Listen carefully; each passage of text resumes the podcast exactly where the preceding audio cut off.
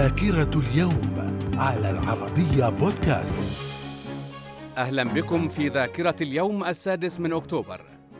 في عام 1927 عرض أول فيلم ناطق في الولايات المتحدة. في عام 1973 نشوب حرب أكتوبر وذلك عندما قامت القوات المصرية بعبور قناة السويس والقوات السورية لخط ألون في الجولان وكانت إسرائيل وقتها تحتفل بعيد الغفران. وقد حققت الجيوش العربية انتصارات كبيرة حيث تم تحرير شريط ضيق على الضفة الشرقية لقناة السويس من أراضي سيناء وجزء من الجولان بعد احتلالهما عام 1967 من الذاكرة. في عام 1978 العراق يطرد آية الله الخميني الذي استقر في باريس. في عام 1979 البابا يوحنا بولس الثاني يستقبل في البيت الأبيض ليكون أول بابا يستقبل فيه.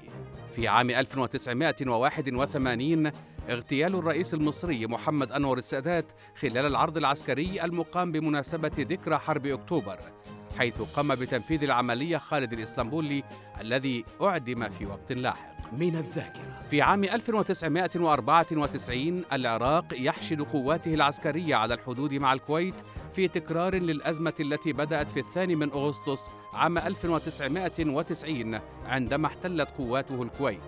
وفي عام 2000 استقالة رئيس صربيا سلوبودان ميليسوفيتش تحت ضغط المظاهرات الشعبية. من الذاكرة. ومن مواليد اليوم السادس من أكتوبر في عام 1931 ريكاردو جياكوني عالم فيزياء إيطالي أمريكي حاصل على جائزة نوبل في الفيزياء عام 2002 في عام 1978 ريمي البارودي ممثلة مصرية. من الذاكرة. ومن وفيات اليوم السادس من أكتوبر في عام 2012 الشاذلي بن جديد رئيس الجزائر.